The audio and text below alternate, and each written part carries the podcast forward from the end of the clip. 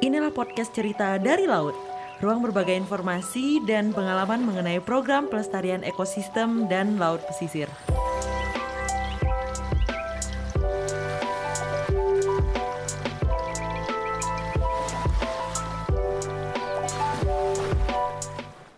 Halo, apa kabar? Selamat mendengarkan podcast uh, kita mengenai cerita dari laut bersama Pusat Kajian Sumber Daya Pesisir dan Laut atau lebih dikenal sebagai PKSPL. Bersama saya Via Sabila dan rekan saya Laras. Kali ini kita akan ngobrolin program Core Map CTI. Via tahu nggak sih apa itu Core Map CTI? Apa ya? Uh, sering dengar sih, tapi mm, belum begitu memahami. Apa sih Ras? Uh, saya jelasin dulu nih ya, kepanjangan Core Map CTI. Core Map CTI itu kepanjangan dari Coral Reef Rehabilitation and Management Program Coral Triangle Initiative atau bahasa Indonesia-nya Program Rehabilitasi dan Pengelolaan Terumbu Karang Prakarsa Segitiga Karang. Singkatnya, program ini terkait untuk menjaga kelestarian terumbu karang pastinya sekaligus dan meningkatkan kesejahteraan masyarakat sekitarnya. Berarti uh, program Core Map CTI itu cakupannya besar ya luas ya iya luas hmm, program ini juga terkait okay. banyak mitra loh salah satu mitra yang melaksanakan yaitu PKSPL Oh. Judul proyek dari PKSPL sendiri adalah Desain Pengelolaan Wilayah Pesisir Terpadu dalam mendukung percepatan pelaksanaan RZWP 3K di Provinsi Papua Barat. Via tahu nggak sih RZWP 3K itu apa? Apa tuh? RZUP 3K itu kependekan dari Rencana Zonasi Wilayah Pesisir dan Pulau-Pulau Kecil. Fokus kita ada di Provinsi Papua Barat.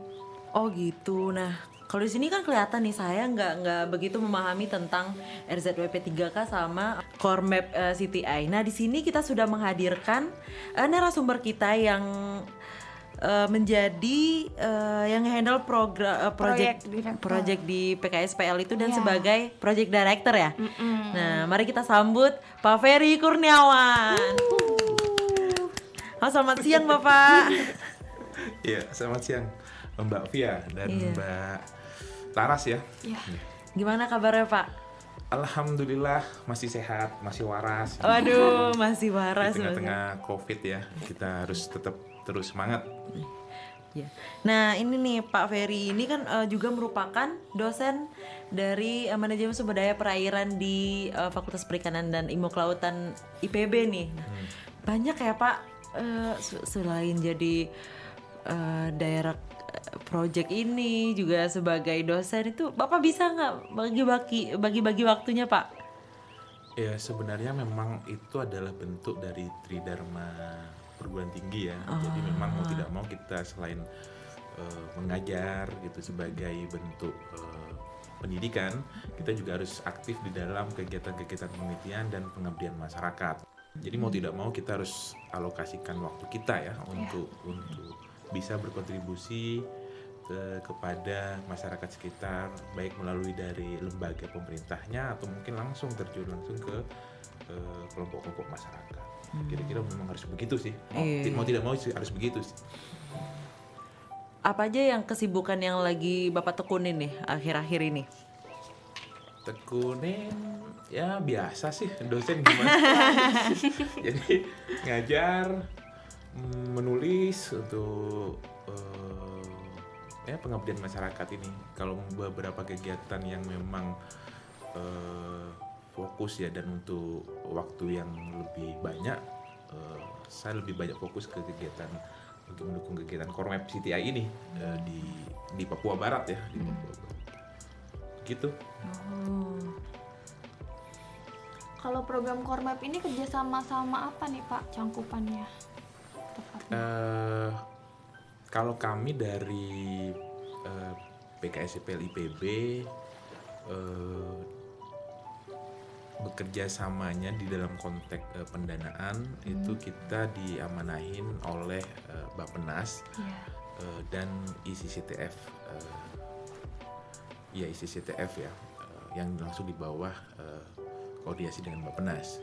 Tetapi uh, di dalam tataran implementasi kita juga banyak bekerja sama dengan kampus-kampus lokal, hmm. kelompok-kelompok masyarakat gitu ya. Dan mungkin juga dengan teman-teman uh, lembaga terkait terutama ke teman-teman yang juga diamanahi oleh Bappenas ICCTF dan teman-teman dari lembaga yang kebetulan memiliki aktivitas di lokasi yang sama.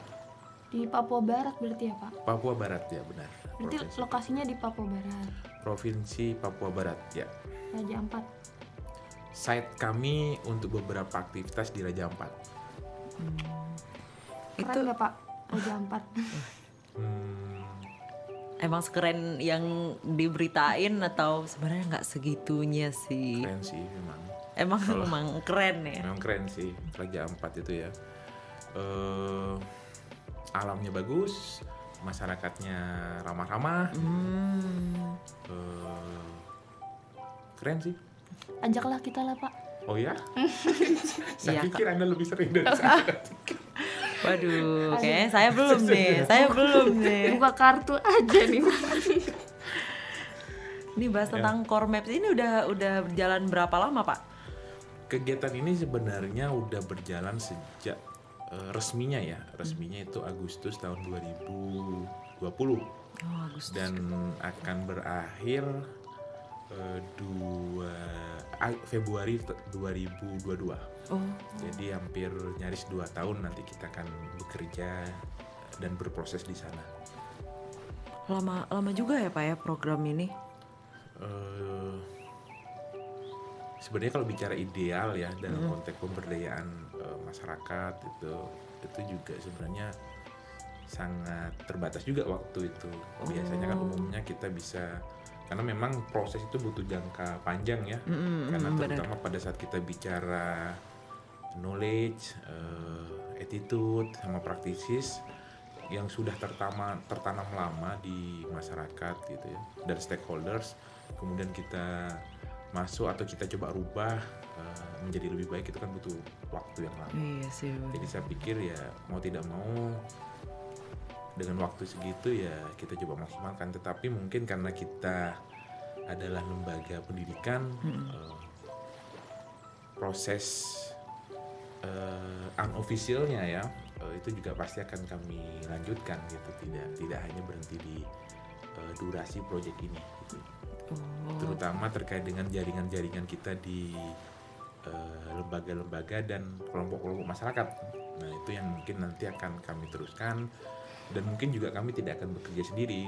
Kita akan coba mengundang lembaga-lembaga terkait gitu yang untuk di- yang memiliki aktivitas di lokasi yang sama atau mungkin masih butuh eh, lokasi untuk dikawal dan didampingi ya kita akan coba arahkan ke eh, ke ini kita coba arahkan ke lokasi kita jadi kesinambungannya atau keberlanjutnya juga berjalan ya. Oh gitu. Emang eh, selama itu kan eh, berdua tahun ya, Pak. Itu kegiatannya apa aja sih, Pak? Yang core map ini? kegiatannya eh, secara garis besar ya kegiatannya itu eh, dibagi dari tiga aktivitas yang pertama kita akan membangun eh, semacam platform untuk implementasi eh, RZ23K. Karena yang kita pahami bahwa RZ23K sebagai dokumen hierarki pengelolaan wilayah pesisir dan laut itu kan menjadi eh, wajib untuk daerah di mana provinsi eh, dalam hal ini eh, mengalokasikan ruang-ruangnya.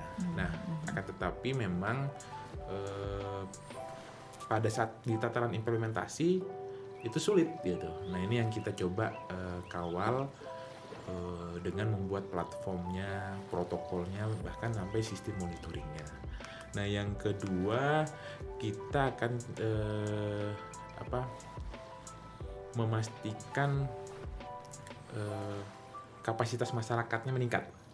Karena kalau kita bicara eh, di tataran teorikal saja atau di tataran dokumen kan tidak tidak eh, eh, bisa semata-merta langsung diimplementasikan. Karena memang di dalam implementasi program atau perencanaan itu butuh eh, kapasitas yang baik ya. Nah di situ kita masuk eh, se- eh, dalam kegiatan yang menjadi target kita adalah peningkatan kapasitas, mencakup stakeholder dan masyarakat. Dan yang ketiga kegiatan utama kita adalah ikut membantu dalam memperbaiki kegiatan-kegiatan perbaikan lingkungan, terutama di kawasan konservasi. Jadi kita melakukan eh, studi terkait dengan ekosistem kritis ya baik terumbu karang, mangrove dan lamun. Nah, kita dan kita akan coba untuk melakukan rehabilitasi.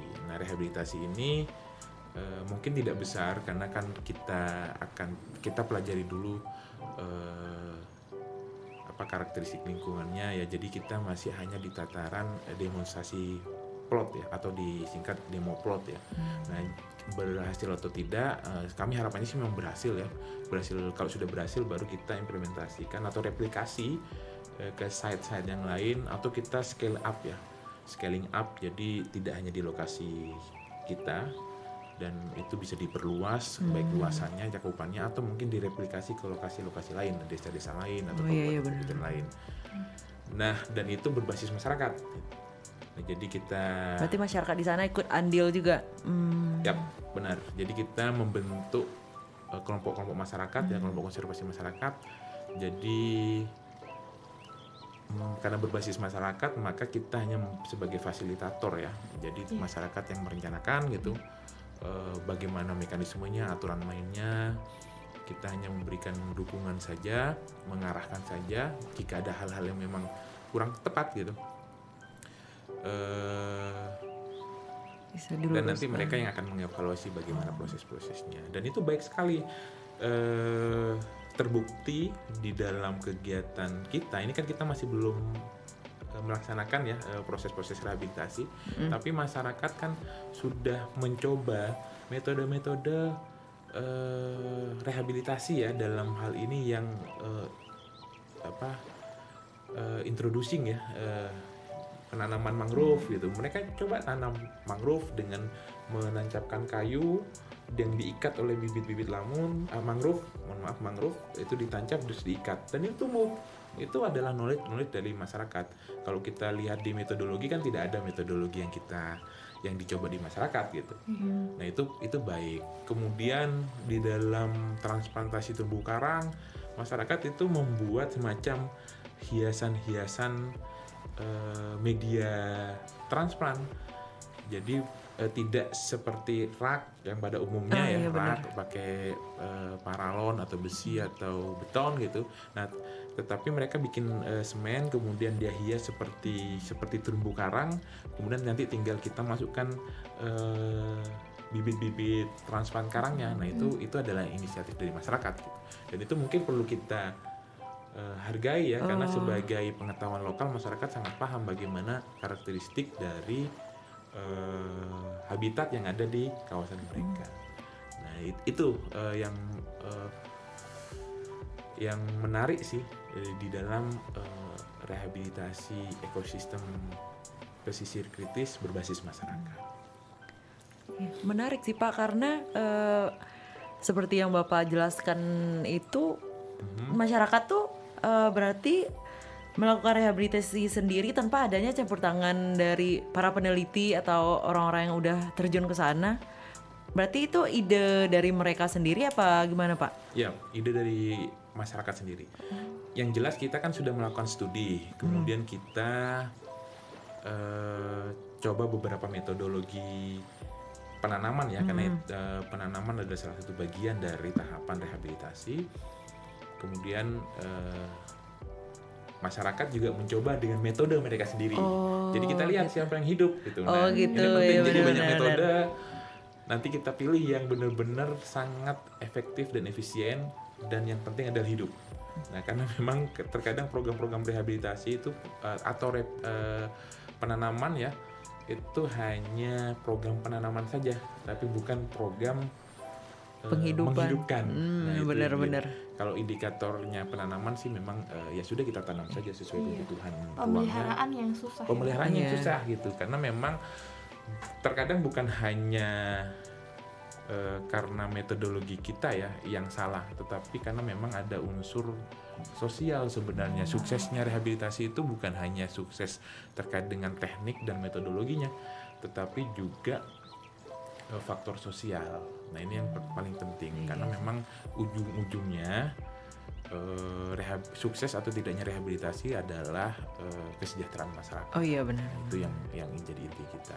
Maka dari situ kita coba sisipkan kegiatan-kegiatan eh, pengembangan ekonomi masyarakat. Nah itu juga dari permintaan masyarakat. Yang umum mungkin kita kenal sebagai eh, local economic development ya.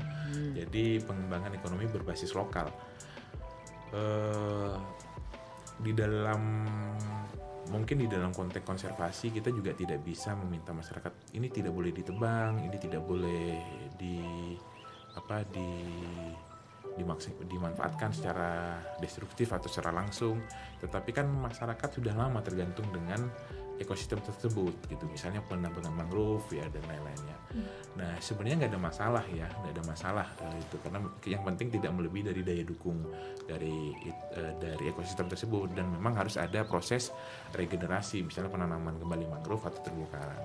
Hanya saja kalau itu dianggap memberikan manfaat ekonomi, saya pikir masyarakat tanpa disuruh pun juga akan berhenti Iya. mengeksploitasi sumber daya. Iya iya iya. Nah, benar. jadi kita coba kemarin eh, apa yang ingin dikembangkan. Nah, karena Raja Ampat ini banyak eh, fokus dalam pengembangan pembangunan wisata, maka eh, dan masyarakatnya adalah masyarakat pulau-pulau kecil, maka kita coba fasilitasi eh, kegiatan pengembangan ekonominya itu berbasis pertanian pesisir dan wisata. Ini kita coba ya. Masih kita masih dalam tahap uji coba. Jadi kita akan coba eh, latih masyarakat bagaimana menanam eh, tanaman pangan, terutama sayur-sayuran eh, di pulau kecil. Karena biasanya kan ekspor, mereka Iya. masyarakat beli dari daratan utama Iya gitu. benar-benar. Nah, kalau itu bisa hidup setidaknya untuk kepentingan rumah tangga selesai Iya. itu. Tetapi kalau nanti masyarakatnya eh, eh, apa aktivitas pertaniannya berhasil, kemudian bisa produksi lebih besar, nah ini sisanya akan kita, eh, akan di akan diberikan atau disalurkan ke eh, homestay, hotel. Nah, jadi masyarakat punya pendapatan lain. Iya, iya. Kemudian juga yang langsung direct ke ekosistem itu adalah wisata tadi. Jadi kita coba bagaimana sih sebenarnya pengembangan ekowisata mangrove, misalnya eh, terumbu karang, baik snorkeling atau diving, kemudian lamun ya yang masih menjadi tantangan.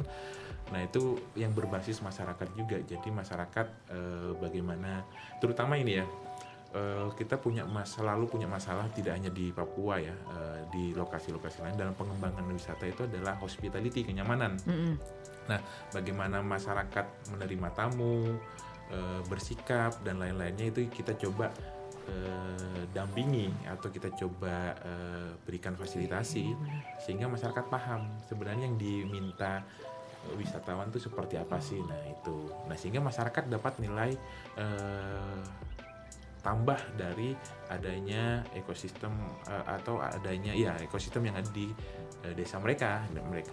Nah sehingga memang kalau ekonominya terpenuhi eh, apa kesejahteraannya terpenuhi eh, maka saya yakin kami yakin bahwa proses-proses konservasi akan secara alami terbentuk. Begitu sih target kami ke ke situ. Ya.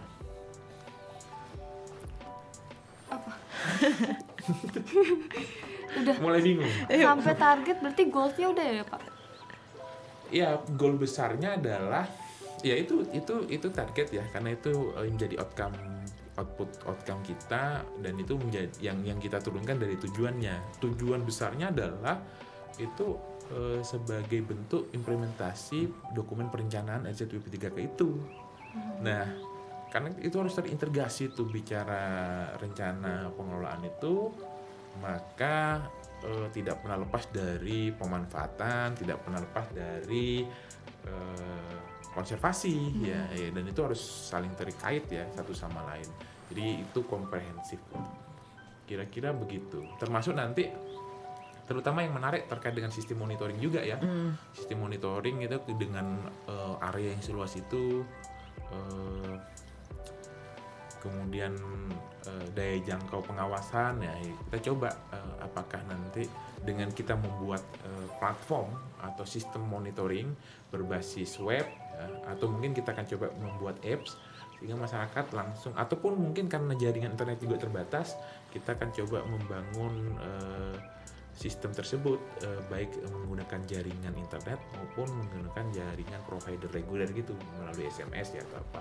Sehingga nanti ada laporan lapo, eh, kalau ada jadi terjadi pelanggaran terhadap eh, apa pemanfaatan ruang yang sudah dituang di- yang sudah dituangkan dan disepakati dalam RCTP 3K itu bisa langsung dilaporkan kepada eh, pihak yang berwenang ya. bisa dalam hal ini adalah eh, pengawas perikanan gitu ya, atau mungkin dari dinas kelautan dan perikanan setempat.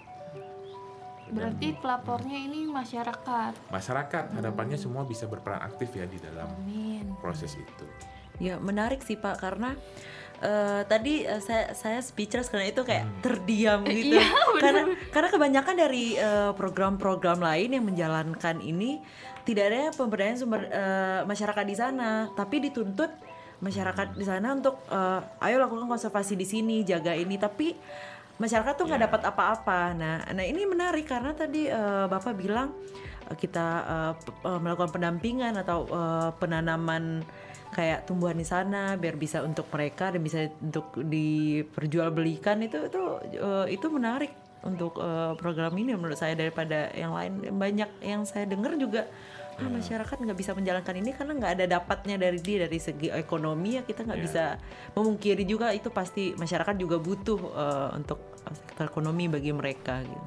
Benar, ya kita masih coba ya, karena Iya. memang kalau kita bicara eh, pengelolaan perairan ya, kan teman-teman juga dari pengelolaan perairan di sini, maka memang eh, dimensinya tidak bisa lepas ya kalau kalau kami menggunakan eh, antara sosial dan ekologi juga kita bi- nggak Iya. bisa lepas. Kita nggak bisa lepas pengelolaan secara ekologi saja gitu, tapi sosialnya ditinggal atau kita nggak bisa melepas eh, kita eh, kita fokus pada sosial tapi ekologi ditinggal jadi itu sebaiknya menjadi satu sistem yang Terpadu. eh, terpadu gitu ya jadi Iya. itulah sebenarnya eh, prinsip-prinsip yang akan kita gunakan. Nah tadi benar itu eh, terkait dengan terpadu. Itu adalah kerangka kita ya integrated coastal management.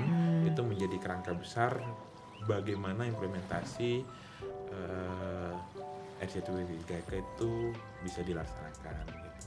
Sehingga memang kepaduan antar stakeholder, kepaduan antar uh, wilayah, kepaduan antar uh, keilmuan, uh, kepaduan antar apa darat dan laut, nah, ya, itu itu harus benar-benar menjadi uh, kerangka utama di dalam implementasi program yang ada di dokumen perencanaan RCTP 3K itu. Begitu. Oke, terima kasih Pak. Semoga niat baik Pak Ferry dalam program ini sampai mikirin ke masyarakat secara detailnya Iya. itu terkabul. Ya, ini bukan niat kita saja, ya bukan niat saya ya, ini niat-niat semua Niat ya. kami gitu. semua. Kita, kita kita yang belajar keilmuan manajemen ya, aquatic manajemen itu punya tanggung jawab moral untuk Iya. mengimplementasikan ilmu kita gitu. Itu sih. itu saja. Keren banget emang dosen Iya. kita. Iya keren banget. sampai sampai segitu. iya emang.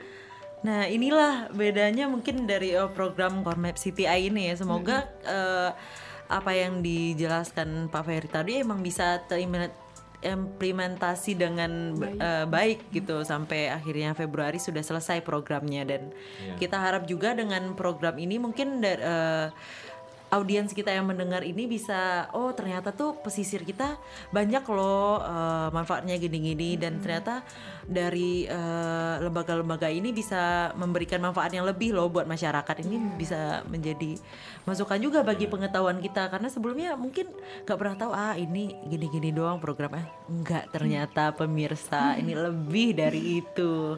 Inilah kerennya dari program Core Map CTI tepuk tangan dulu dong keren keren banget dah apa lagi nih Kita udah nyampe di penghujung. Nah, saya minta nih sama Pak Ferry pesan buat kaum milenial oh iya eh, kaum milenial untuk menjaga pengelolaan terpadu ini cara langkah sederhananya dari apa atau gimana? Repot nih kalau kaum milenial. Iya. Karena saya mungkin eh, apa ya kaum pertengahan antara, antara kolonial dan milenial. Kolonial. Eh, ya s- eh, sebenarnya kan kita eh, dan untuk kaum milenial ya memang sama sebenarnya ya masalahnya dalam konteks pesisir dengan pertanian secara umum ya karena memang seakan-akan bahwa wilayah pesisir ini tidak memberikan atau tidak menjanjikan apa pun ya tetapi sebenarnya eh, banyak peluang eh, atau potensi kita di wilayah pesisir dan laut jadi saya kami berharap bahwa teman-teman muda mulai eh, melirik ya bagaimana potensi kita di pesisir dan laut. Bukan hanya jadi penikmat saja. Karena apa? Teman-teman milenial itu hanya eh, datang untuk berwisata. Iya, benar. Foto-foto Diving, di foto-foto, ya kan? Nah, tetapi kita harus meng- me- juga ikut berperan di dalam eh, pengelolaan eh, sumber daya pesisir dan laut. Dengan apa? Dengan ikut menjaga, dengan ikut mengkampanyekan hal-hal yang positif ya. Jadi bolehlah jadi peman penikmat gitu, tapi ya jangan buang sampah sembarangan Iya. gitu, karena itu menjadi karena eh, laut kita eh, itulah cara saat eh, adalah eh, dianggap sebagai eh, sampah terbesar ya Mm, laut mm, itu. benar. ya. Nah itu jangan itu kita harus rubah ya. Jadi teman-teman boleh menikmati alam tapi jangan memberi ke apa juga ikut berkontribusi di dalam kerusakan-kerusakan lingkungan Iya. dan dan mungkin harus lebih banyak memahami eh, potensi-potensi kita gitu yang di laut dan laut itu tidak hanya bicara ikan tapi juga bicara banyak hal Oh, iya. terkait dengan sumbangsi di dalam a- apa pun ya baik eh, baik sumber daya ekonomi dan pangan dan apa pun yang ada di kita yang kita butuhkan karena negara kita adalah negara maritim Mm, 70% nyaris 70% wilayah perai- eh, negara kita adalah wilayah perairan laut. Ya gitu. iya. Mungkin ya walaupun ya untuk kaum milenial walaupun followers Instagramnya masih sedikit bisa jadi eh, nge-influence juga kayak Ya. misalnya pergi liburan ya mungkin bersih-bersih pantai Ya. kali ya Pak ya. Saya nggak tahu ada influencer yang fokus di ini ya Ada du- di eh, pesisir dan laut. Hamis Siapa? Daud. Amis Daud contohnya habis Daud. iya. Tahu aja yang ganteng. ya kita emang yang ganteng-ganteng ya Pak. Iya. juga. Nih ya. Baiknya kaum milenial juga bisa menjadi duta pesisir ya. Oh, iya. Kita belum punya duta pesisir rasanya. Ah, Eh duta pesisir kita belum ada Pak. Belum ada ya.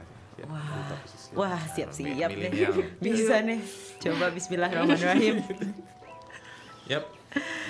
Oke deh Pak, terima kasih banyak Pak eh, atas ilmunya, atas bincang-bincang ringan kita pada siang hari ini walaupun perut kosong tapi semoga bincang-bincang hangat kita ini dapat bermanfaat ya dan Ya. teman-teman juga bisa eh, lihat eh, konten-konten website kita, kita juga. Hmm, website kita di pkspl.or.id atau juga bisa kunjungi Instagram Instagram kita @pkspl.ipb. Atau enggak eh, Instagram IP, eh, MSP IPB ya Pak? Nah, iya, banyak-banyak juga info-info tentang eh, perikanan, kelautan, dan konservasi juga banyak di sana.